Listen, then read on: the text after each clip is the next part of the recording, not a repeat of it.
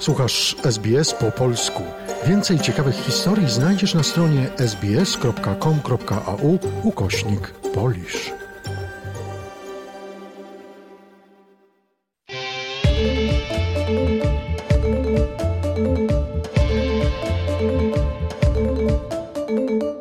Witam Państwa. Przed mikrofonem Dariusz Paczyński. Zapraszam na przegląd wydarzeń tygodnia. Przedstawiciele rządu tajwańskiego w Australii twierdzą, że nie ma usprawiedliwienia, by Chiny zaostrzyły napięcia w regionie po wizycie przewodniczącej Izby Reprezentantów USA Nancy Pelosi w Tajpej i że z zadowoleniem przyjęli długoterminowe wsparcie Australii. Chiny wystrzelały pociski balistyczne i rozmieściły myśliwce, okręty wojenne i drony w ramach największych w historii ćwiczeń wojskowych wokół Tajwanu, po tym jak samorządna wyspa gościła panią Pelosi, najwyższej rangi urzędnika państwowego USA, odwiedzającego Tajwan od 25 lat. Sojusznicy tacy jak Australia, Stany Zjednoczone, Japonia mogą zostać wciągnięci w potencjalny konflikt, reagując na działania Pekinu. Ćwiczenia zostały potępione we wspólnym oświadczeniu wydanym przez ministrów spraw zagranicznych Australii, Japonii oraz sekretarza stanu USA. Ale Pekin zanegował te oświadczenia. Agencja, której powierzono przygotowanie stanu Nowa Południowa Walia w wypadku klęski żywiołowej wyraźnie zawiodła podczas tegorocznych katastrofalnych powodzi i powinna zostać zlikwidowana, jak mówi opozycja. Tak zwana Resilience New South Wales spowodowała więcej problemów niż rozwiązała a Partia Pracy poparła parlamentarne zalecenia komisji, jak powiedział lider Partii Pracy Chris Minns. Okoliczności wyraźnie wskazują, że biurokratyczna struktura Resilience New South Wales utrudnia reagowanie kryzysowe na ważne i niszczące klęski żywiołowe, powiedział lider Partii Pracy Chris Minns. Tylko 6 tysięcy stałych wiz humanitarnych zostało przyznanych obywatelom afgańskim uciekającym ze swojej ojczyzny spośród ponad 200 tysięcy osób szukających ochrony w Australii. Prawie połowa wnioskodawców wciąż czeka na rozpatrzenie swoich wniosków. Nowe dane pokazują, że liczba składanych wniosków na wizy w Afganistanie rośnie od upadku stolicy Kabulu w sierpniu zeszłego roku. W ekskluzywnym wywiadzie dla SBS News minister emigracji Andrew Giles określił prośby o wizy jako absolutnie bezprecedensowe. Jego rząd jest teraz odpowiedzialny za rozpatrywanie wniosków obywateli afgańskich szukających schronienia.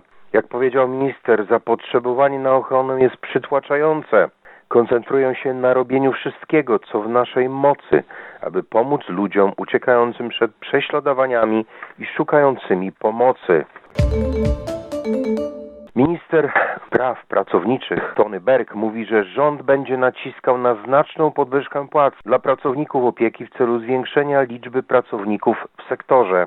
Berg powiedział, że wnioski do Komisji Sprawiedliwej Pracy nie będą zawierały konkretnej kwoty, o jaką powinny wzrosnąć płace. Komisja Płac zdecyduje, czy podnieść stawki dla pracowników zajmujących się domami i opieką domową.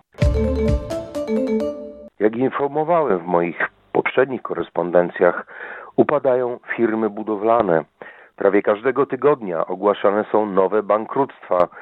Wiele z nich jest rezultatem zeszłorocznych tzw. Tak lockdownów. Firmy nie mogły działać i z tego powodu nie miały przepływu gotówki. Tym razem upadła następna firma z Melbourne. Według likwidatorów firma budowlana z Melbourne upadła z około 1 milionem dolarów niespłaconego długu wobec 50 wierzycieli. Firma budowlana o nazwie Blind Builders została dobrowolnie zlikwidowana po tym, jak ujawniono, że wielu właścicieli domów doświadcza, jak to określono, horrendalnego stresu, ponieważ wydali setki tysięcy dolarów na połowę wykończone domy, które były nietknięte od miesięcy. Cliff Sanderson z firmy upadłościowej Dissolve został wyznaczony do obsługi likwidacji Blind Builder. Sanderson powiedział, że właściciel Blinta mówił mu, że firma przestała operować. Powiedział nam, że jest 50 wierzycieli i około miliona dolarów zadłużenia i spodziewam się, że ta liczba wzrośnie, a długi wzrosną ponad tę kwotę. Urodzona w Wielkiej Brytanii, Australijka Olivia Newton-John zmarła w poniedziałek rano w wieku 73 lat. W 2006 roku na balu Good Day Australia LA w Hollywood Olivia Newton-John otrzymała od Travolty nagrodę za całokształt twórczości. John Travolta powiedział, że podziwiał jak Newton-John przeżywała wzloty i upadki w swoim życiu. Jesteśmy przyjaciółmi od 29 lat, dodał Travolta. W maju 2017 roku piosenkarka ogłosiła, że odwołuje trasę koncertową z powodu nawrotu raka piersi, który miał przerzuty. Trzeba tu dodać, że matką Oliwii była z pochodzenia Niemka, a ojciec był Brytyjczykiem. I tym kończę przegląd doniesień tygodnia, który przygotował Dariusz Paczyński. Dziękuję za uwagę.